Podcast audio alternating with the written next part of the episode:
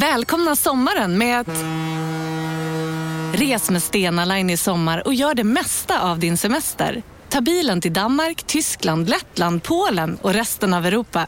Se alla våra destinationer och boka nu på stenaline.se. Välkommen ombord! Hej, Susanne Axel här. När du gör som jag och listar dig på en av Krys vårdcentraler får du en fast läkarkontakt som kan din sjukdomshistoria. Du får träffa erfarna specialister, tillgång till lättakuten och så kan du chatta med vårdpersonalen. Så gör ditt viktigaste val idag, listar dig hos Kry. Demideck presenterar Fasadcharader. Dörrklockan. Du ska gå in där. Polis? Effektar? Nej, tennis tror jag. Pingvin. Alltså jag fattar inte att ni inte ser. Va? Nymålat. Men det var många år sedan vi målade. Demideckare målar gärna, men inte så ofta.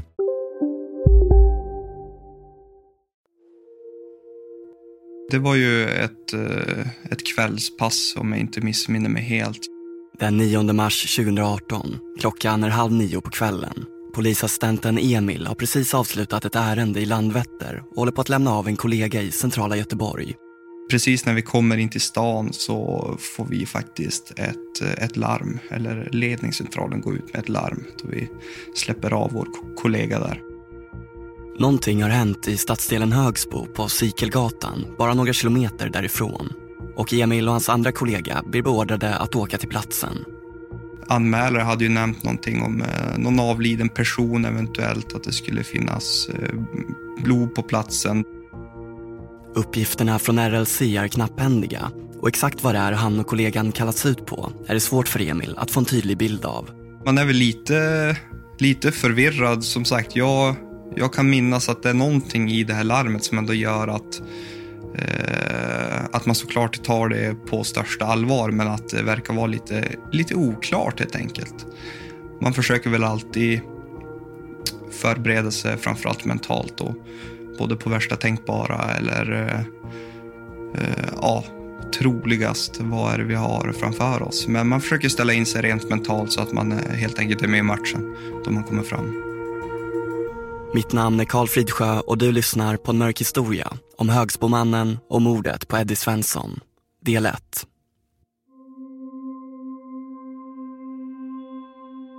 Att jag inte får tag i honom, det, det, det, kan ju gå några dagar liksom. Men att ingen fick tag i honom, inte, inte hans polare, inte jobbet liksom. Då, då blir det ena... Shit, vad är det här liksom? Några timmar tidigare i Stockholm har Jonny Svensson fått ett telefonsamtal från en orolig kusin som inte får tag på Jonnys lillebror, Eddie. Samtidigt så ringer eh, en av eh, min och Eddies eh, gemensamma vän då också och frågar om jag har pratat med Eddie då liksom. Uh, och då kom jag på att det är några dagar sedan liksom och konstigt, ingen får tag i henne. Sista kontakten Jonny hade med sin lillebror var två dagar tidigare. Ett kort sms som bekräftade datum för en resa till Hamburg som de planerade tillsammans. Jonny fick aldrig något svar men tänkte inte mer på det. Nu går det inte fram några signaler på Eddies telefon när han försöker ringa. Då ringer jag min bror Mikael som eh, också bor i Stockholm, som jag då. För Eddie bor i Göteborg. Eh, och frågar om han har hört någonting. Nej, han har inte hört någonting. Eh, så frågar jag om han har numret till Eddies eh, rumskompis som han delar lägenhet med. Och så ska min bror återkomma då. Rumskompisen David, som bröderna hade hoppats skulle vara med Eddie, visar sig ha flyttat ut bara några dagar tidigare. Inte heller han har hört någonting från deras lillebror. Det är väl någonstans där som, eh, som man börjar inse liksom att det är någonting som inte är rätt. Liksom. Det, det är så konstigt. Liksom. Det, om ingen har fått tag i honom inte varit på jobbet, då, då blir det för... eh, Ja. David har fortfarande kvar sin nyckel till lägenheten och Jonny och Mikael, som nu är övertygade om att någonting inte står rätt till, ber honom ta sig till lägenheten för att ta reda på vad som hänt. Då börjar det liksom snurra och grejer i skallen där. Och vi börjar väl tänka att den här killen ska nog inte åka dit själv liksom. Utan eh,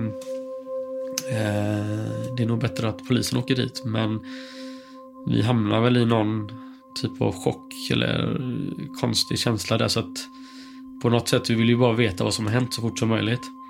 Man tänker inte klart. Eller där inom ja, 10-20 minuter kanske. Klockan är strax innan halv nio på kvällen när David kommer fram till det gröna trevåningshuset på Sikelgatan. Han slår in portkoden och tar sig upp till Eddies lägenhet på andra våningen där han själv bodde bara några dagar tidigare. Han stoppar in nyckeln i låset. Dörren är olåst. Öppnar dörren, det är mörkt i lägenheten. Jag försöker tända lyset. Ingenting händer där. Han försöker tända ytterligare en lampa. Ingenting händer. Lägenheten ligger fortfarande i mörker. Testar en annan ljuskälla. Ingen respons där heller. Det är först när David öppnar elskåpet som han förstår varför. Huvudsäkringen har gått. Han slår på den igen. Hela lägenheten tändes upp. Och det är blodstänk både i hallen, eh, både på golvet och på väggarna. Jag står liksom i chock. Eh, tar ett steg och ser då Eddie ligga i vardagsrummet. Jag försöker få kontakt med honom genom att ropa. Ingen kontakt där. Uh, börjar fumla efter telefonen. Uh, har fortfarande Mikael på Messenger. Skriver till honom att han ska ringa, vilket han gör. Och uh, säger då att någonting har hänt. Då. Och uh, han ber mig kontakta SOS, vilket jag gör då.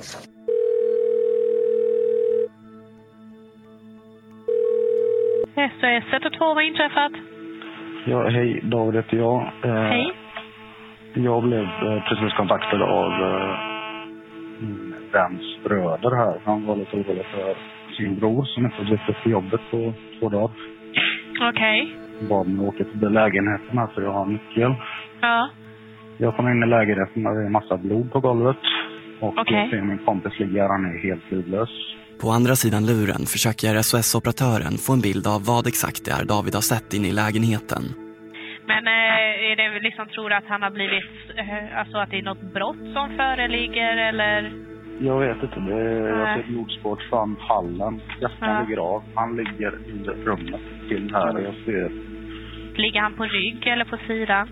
Han ligger framåtlutad. Jag ser eh, sår på ryggen och jag ser sår på armen. Ryggen, okej. Ena, ena armen. Mm. När brorsan ringer tillbaka och säger att, brors, att, ni- att Eddie då ligger i lägenheten blodig så, så för min första tanke är att han driver med mig för att jag var så nervös innan. Och, liksom så här. När Jonny får veta vad David möts av i lägenheten vill han först inte tro att det är sant. I samma sekund så tänker jag också att man skämtar ju inte om en sån här grej liksom. Så att jag fattar ju någonstans att, att det är på riktigt. Men det är för sjukt för att ta in. Varför ska han ligga blodig i lägenheten liksom? Det, det var för... Eh, var för konstigt liksom. Det börjar långsamt sjunka in hos Jonny vad det är hans bror berättat för honom. En overklighetskänsla som bara blir ännu starkare eftersom familjen genomlidit nästan exakt samma scen bara två år tidigare när deras syster gick bort. Telefonsamtalen från oroliga vänner, rädslan för att någonting allvarligt har hänt och känslan av maktlöshet i att befinna sig så långt bort. Det var en naturlig död liksom, kan man ju säga. Eller det var för mycket medicin, jag vet inte. Men, men det här var lite eh, annorlunda. eller Det var... Det blir samma känsla. Man blir som att man blir åksjuk. Man hamnar i någon vakuum liksom. Eh, som att man åker, man är illamående liksom. Ja, åksjuk typ. Men ja, det är bara snurrar liksom. Och, och eh, Eh, man tänker, vad, vad, aha, vad gör vi nu liksom? Och klockan är nio på kvällen. Mina barn råkar ju höra lite liksom att brorsan är död liksom. Så att de blev jätterädda. Eh, men vi tar ett beslut att brorsan skulle komma och hämta mig liksom. Eh, och, och vi åker, ska åka till Göteborg. För det här är ju en brottsplats, men samtidigt, det, liv går väl ändå först. Jag måste väl ändå eh, uppmana HLR. Eller hur du skämtar? Ja, vem är det som är inne där då? Det är någon vän. Under tiden eller- väntar David kvar i telefonen utanför Eddies lägenhet medan larmoperatören överlägger med en kollega om vad de ska göra. Jag har hittat honom så ja. Dörren stod öppen. Han hade nyckel in men dörren stod öppen. Ja, alltså, jag, Det måste du ju göra så. Han behöver ju inte stöka runt allt för mycket. Jag tänker men... så här att försök att inte stöka till för mycket runt omkring. Men jag vill gärna att du försöker få honom på rygg. Jag, jag, För jag vill ju att vi gör HLR. Ja. jag vågar inte röra någonting alls. Jag ser blod alltså från Ja, men jag tänker att även om ett brott föreligger så är det ju hans liv i första hand. Det här kan ju ha hänt nyligen, det vet Jag vi går ju ut inte. och larmar där. David tar sig fram till Eddie. Jag tar en koll på pulsen här. Andningen är viktigare för pulsen kan vara Ingen- svår ingen- att känna. Ingen andning, ingen puls. Ingen andning. Nej, men lägg ner, kan du lägga ner honom på eh, golvet, på rygg?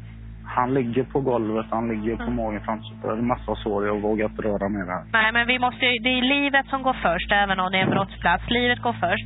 Dra Han upp är armar då. helt stel också. Han är Ja, stel, okej. Jag tror inte det. Nej, han är likstel. Är han blek? Han är väldigt blek. ja. Ja, nej. Men om man är stel i kroppen så, så får vi låta det vara. Då får vi ändå förmoda att det, det är tråkigt. Vad heter han? Eddie Svensson. Eddie Svensson. Eddie andas inte och han har ingen puls. Ambulans är på väg och David backar ut ur lägenheten medan larmoperatören är kvar på linjen tills dess att hjälp kommer. Ambulansen är på väg här på Bankogatan säger de strax. En halv minut säger de hos dig David.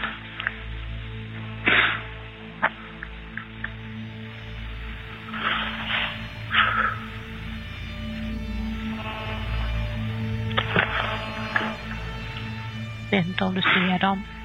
Ja, Jag ser ljuset än. Ställer gärna och vinka så de ser var det är någonstans också. Värda på. Ja. Jag såg väl några lampor och så, så jag vinkade väl persiennerna och undrade liksom, oj då, nu är hon säkert sjuk. eh, Så. I porten bredvid har Ann Börjesson reagerat på blåljusen utanför sitt fönster. Hennes första tanke är att någonting har hänt en äldre dam som hon vet bor i Eddies port och som hemtjänsten gör dagliga besök hos. Men sen tyckte jag det var så konstigt allting. Nej, jag stod i sovrumsfönstret. Så här, och eh, sovrumsfönstret som jag pekar mot nu. Och tyckte att det, nej, det var jättekonstigt. Nej, det är något som inte stämmer. Och då ser jag David där utanför Eddies eh, för detta inneboende och vän. Som står och är totalt chockad och skakar och är helt... Det var så fruktansvärt att se honom. Det kommer jag aldrig glömma. Ann har känt Eddie i flera år och när hon ser David stå där bland ambulanserna utanför porten anar hon direkt det värsta. Att han hade sett något fruktansvärt, det förstod jag. Eh, Så eh, det, det blev bara så. Att jag visste att han var död. Sen hur det hade gått till, det hade jag ingen aning om. Men eh, jag, att se en sån chockad person, det, jag förstod det. Att han hade gått upp dit och, och sett någonting fruktansvärt. Hon kastar på sig skorna och jackan och springer ut på gatan till David. Eh, Jag tror väl att jag frågade, eller jag, jag kommer ihåg att jag bara sa någonting att ja, Eddie död, så. Och då stod, han stod liksom, ja du vet. Det var kallt också, han hade ju tunn jacka, du vet, han hade ju aldrig mycket kläder på sig. Så ja, det var ö, fruktansvärt att se. Det stod en tjej där vid ambulansen och då eh, sa jag till henne att jag ville, eller liksom, han fryser jättemycket. Jag måste få en filt. Ann springer tillbaka in i lägenheten, hämtar en jacka och ser till att David får en filt över sig. De sätter sig chockade utanför porten. Klockan har hunnit bli strax innan nio och inne i lägenheten kan läkare officiellt konstatera att Eddie är avliden.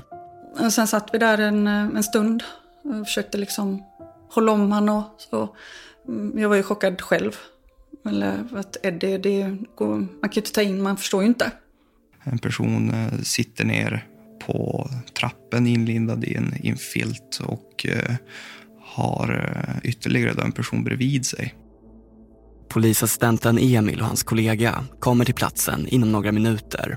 De tar sig fram till David och Ann för att försöka få en bild av situationen. Först eh, får vi reda på att eh, personen som är inlindad i filten då, det är den som hade ringt oss angående det här. Eh, vi får lite, lite information, men vi förstår rätt snabbt att det är någonting allvarligt.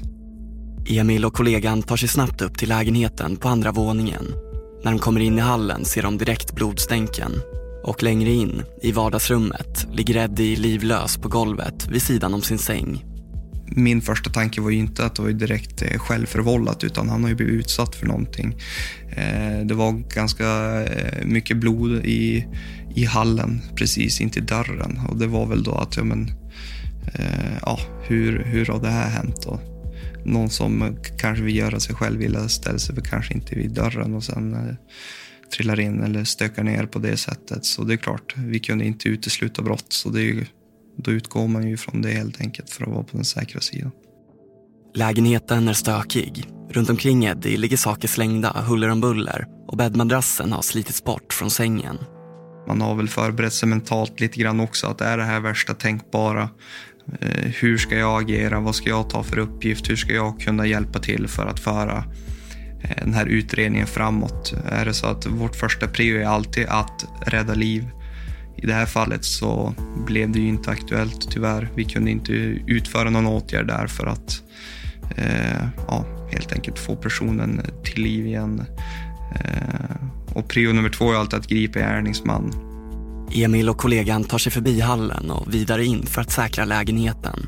De går försiktigt, noga med att röra så lite som möjligt. Det var ju så pass mycket, mycket blod på platsen så det liksom, finns det något, något stickvapen eller, eller något liknande man kan iaktta med blotta ögat utan att röra runt eh, så mycket. Det, det försökte man ju se, men ingenting jag kunde iaktta där utan det var bara helt enkelt att försöka säkra platsen, eh, se till att, eh, att det får bevaras som det är. Då. När de förvissat sig om att ingen befinner sig i vare sig lägenheten eller trapphuset backar de ut i väntan på förstärkning för att inleda vad de nu förstår är en mordutredning. Det blir ju då såklart en, eh, en stor apparat utav det här. Det är ju många kollegor som, som får larm om att de ska komma och stötta oss. Vi behöver ju spärra av brottsplatsen, vi behöver hålla avspärrningen eh, i väntan på tekniker.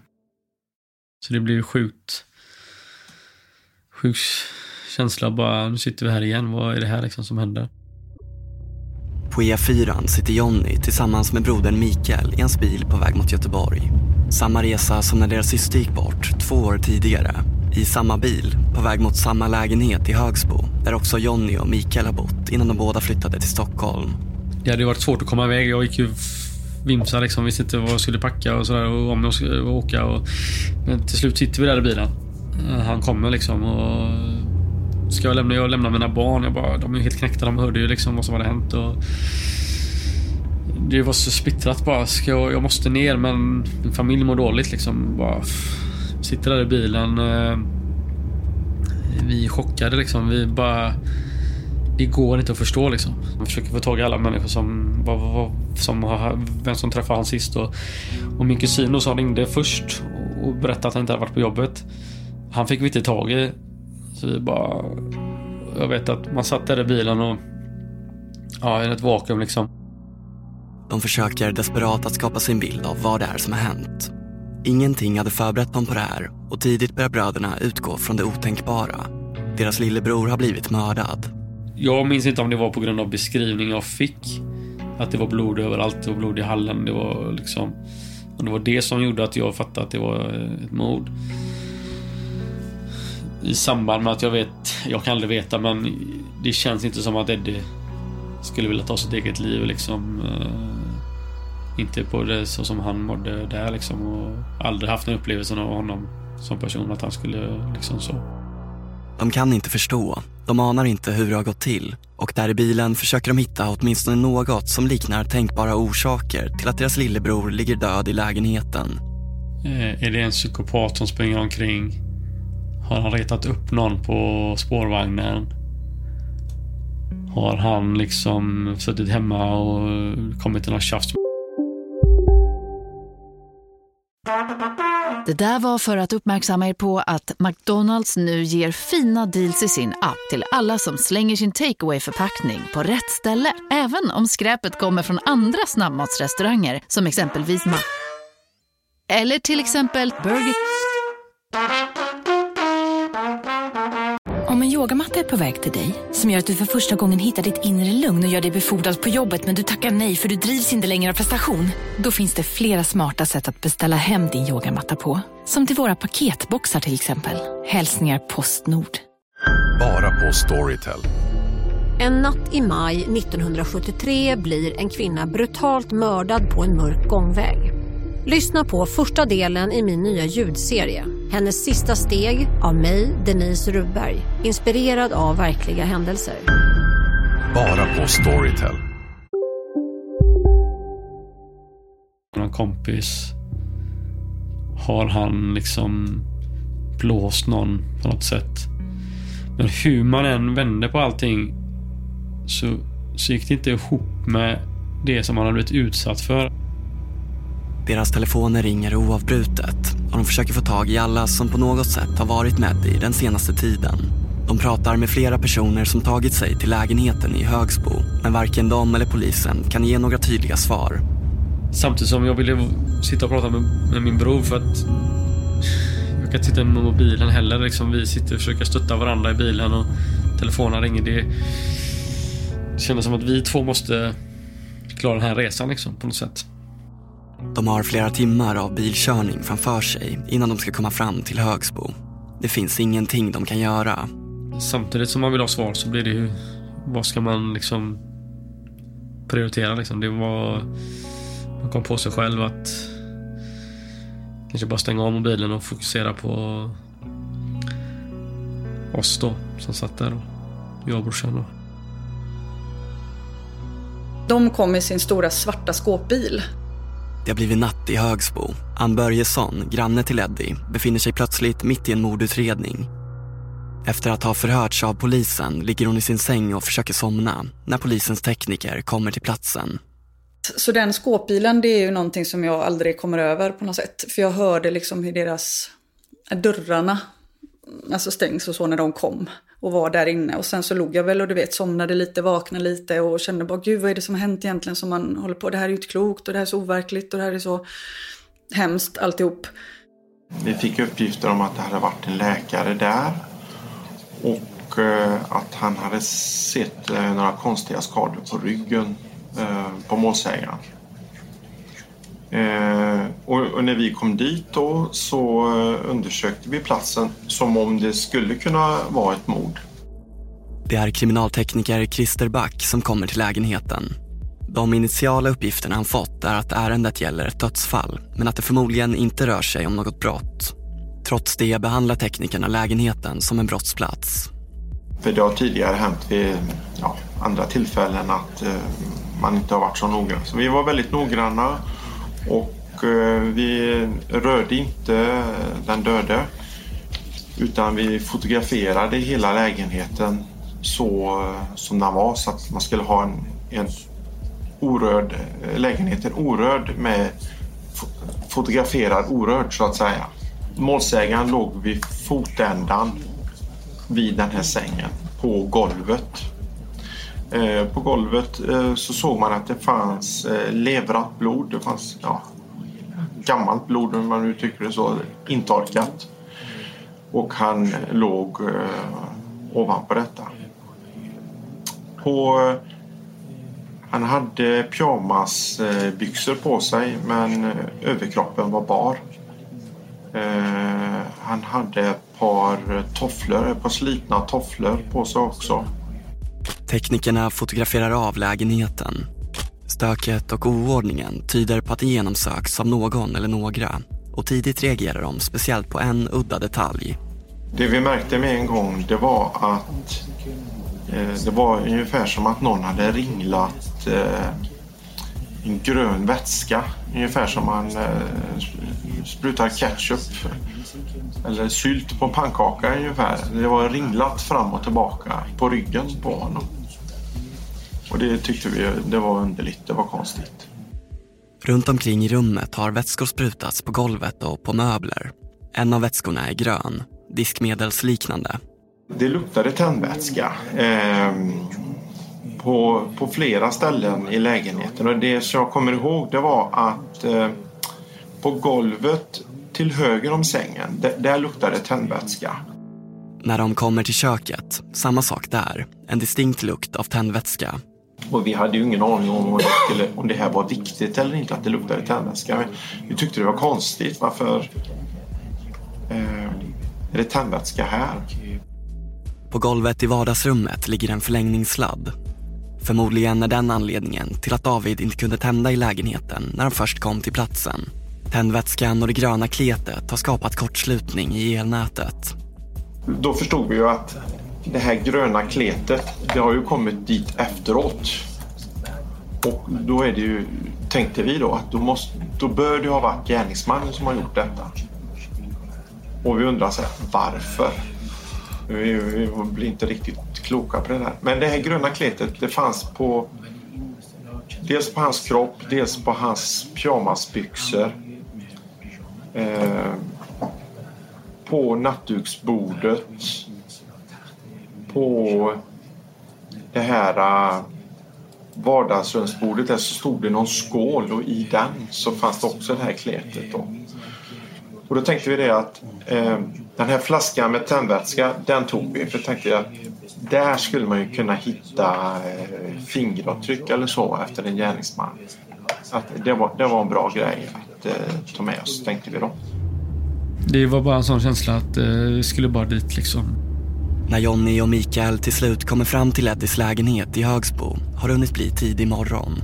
Alla poliser hade ju gått hem när vi kom men... Eh, men eh, ja, jag vet inte. Det var bara... Det var bara en känsla att jag skulle dit liksom. Polisen har under natten sökt i området i jakt på mordvapen eller andra bevis, men utan resultat.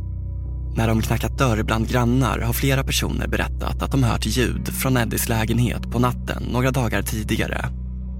Nu ligger Sikelgatan tom. Om aktiviteten som rådde bara några timmar tidigare vittnar bara polisens gula avspärrningstejp. Jag tittar in genom brevlådan. Jag, jag vill typ in i lägenheten. Jag vet att Eddie inte är kvar där inne men på något sätt så står jag där och stirrar in genom brevlådan liksom. Och, eh, vill inte gå därifrån liksom. Eh, det är så sjukt allting. Efter att ha uppehållit sig en stund vid lägenheten åker Jonny och Mikael hem till deras kusin för att försöka få någon timmes sömn. Och jag minns att jag kollade på TV4-nyheterna och ser programledarna där. Det här är mitt i natten typ. Eller på morgonen, jag vet inte vad klockan är. Men, och folk skrattar och skämtar och grejer. Och jag minns att hur kan ens människor vara glada liksom? Det var, man var inne i någon sån här eh, dimma bara att eh, jag kunde inte förstå hur någon kunde skratta överhuvudtaget liksom. Hur någon kunde skämta om någonting. Jag vet att jag lyckades somna till slut. Polisen bekräftar nu att mannen som på fredagskvällen hittade stöd i en lägenhet i Högsbo blev mördad. Det rapporterar GP. I nuläget finns ingen misstänkt för brottet.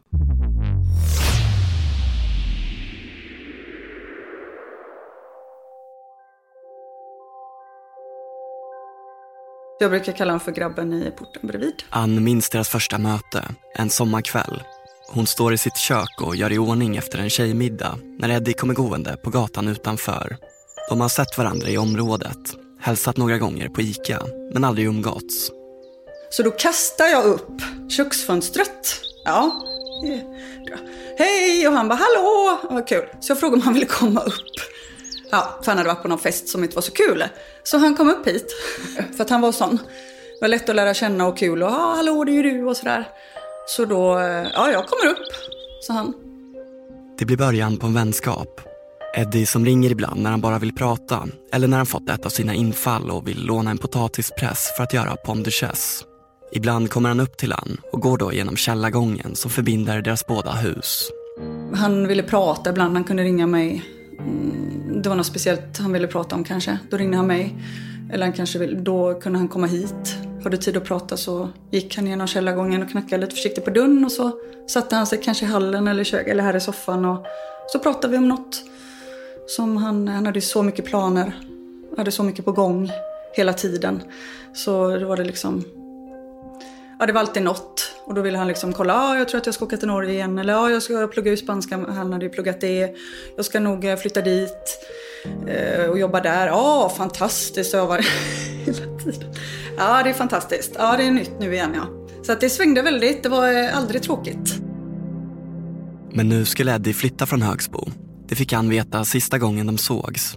Eddie kom cyklande på sin elcykel, som han brukade, och hon ropade på honom från balkongen. Han kom in och de pratade en stund. Några veckor senare är hans lägenhet en brottsplats.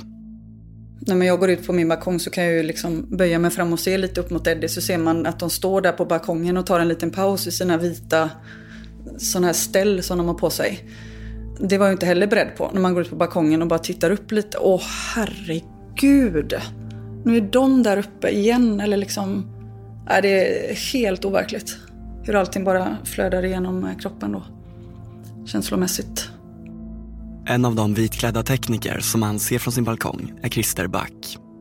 Vi har ju kvar den här lägenheten i flera dagar och eh, vi åker dit flera gånger. Fortsätter och undersöker för att hitta mer spår.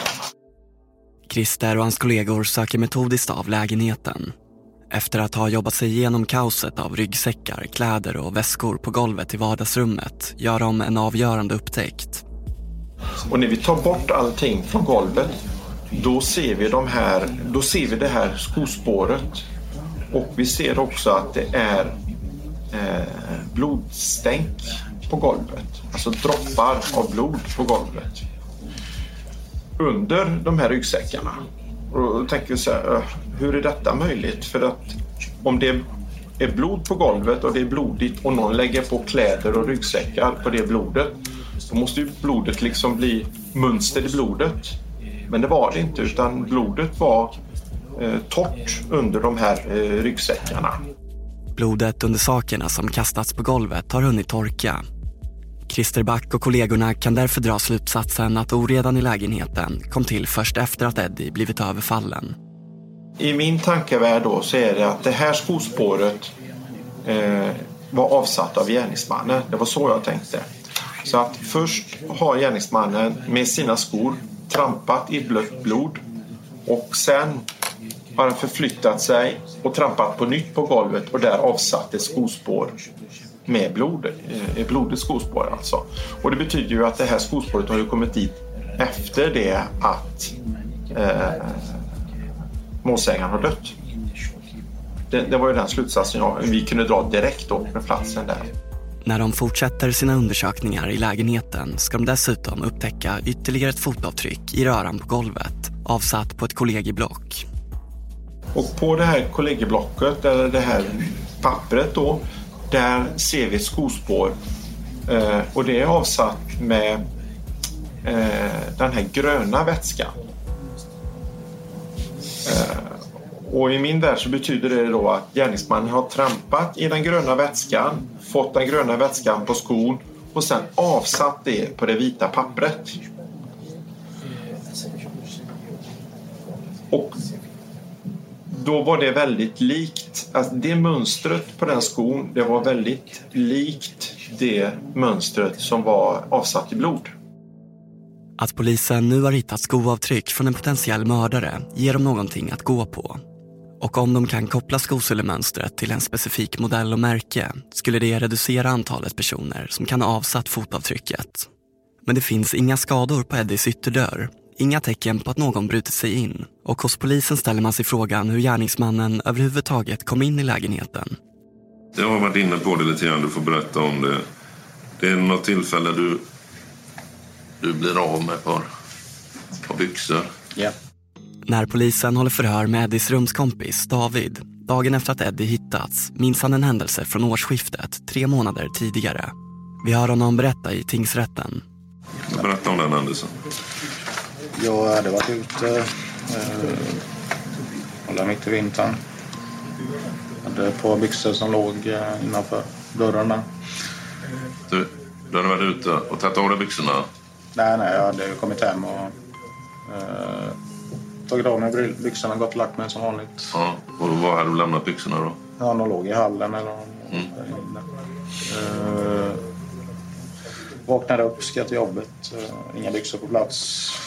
Uh, inte, uh, passerkort, nycklar, bankomatkort. Alltihop som saknas. Telefon. Uh, ja. Vad var det för nycklar du blev av med då? Det var på ett par av lägenhetsnycklarna.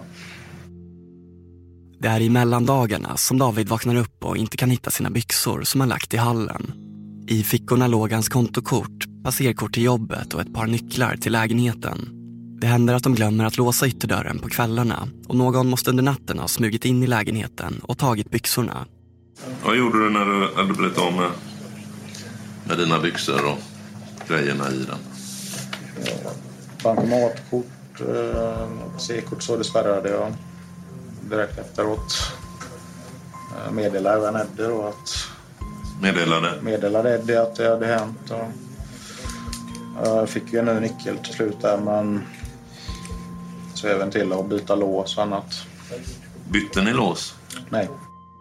David spärrar sitt kontokort och passerar kortet samma morgon som han upptäcker att byxorna saknas. I systemet på hans jobb går det senare att se exakt när. Och vilken datum har du gjort det? Eh, 28. Vilken tid? 08.11. Och det var? När var det? Det var samma dag som jag upptäckte att det saknades. Så att eh, du blev av med, med dina byxor natten mellan den 27 och 28 december? Ja. Tidpunkten för inbrottet, natten mellan den 27 och 28 december 2017, är särskilt intressant. Då skedde ytterligare en knivattack i Högsbo.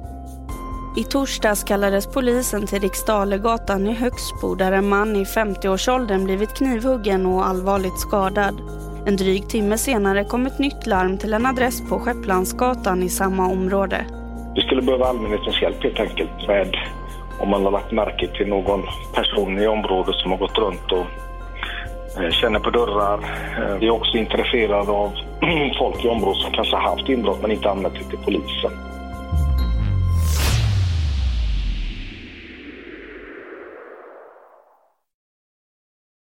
Du har lyssnat på en mörk historia, den första delen om Högsbomannen och mordet på Eddie Svensson. Avsnittet är producerat av Joel Silberstein Hont och av mig, Karl Fridsjö. Reporter var Nicole Melin och musiken kommer från Epidemic Sound. Klippning och ljudläggning av Underton. Missa inte del 2 och 3 genom att prenumerera i din podcastspelare eller stöd vårt arbete via Acast-appen så kan du lyssna nu direkt på alla delar.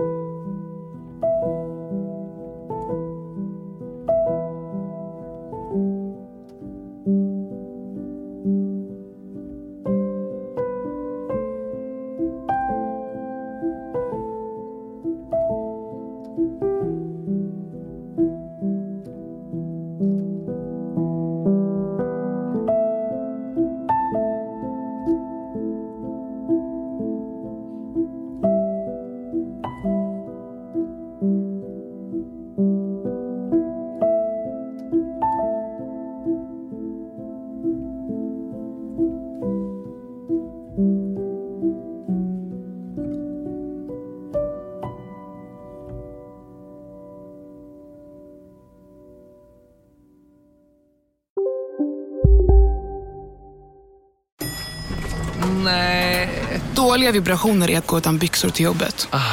Bra vibrationer är när du inser att mobilen är i bröstfickan. Få bra vibrationer med Vimla. Mobiloperatören med Sveriges nöjdaste kunder enligt SKI. Kolla menyn. Vadå?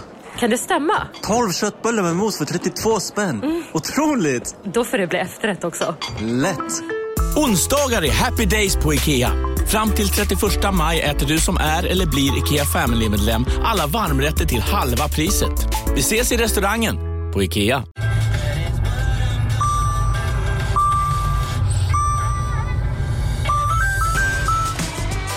Dags att fylla på tanken. Stanna på Circle K så får du 50 öre rabatt per liter på dina tre första tankningar när du blir medlem. Vi ses på Circle K i sommar.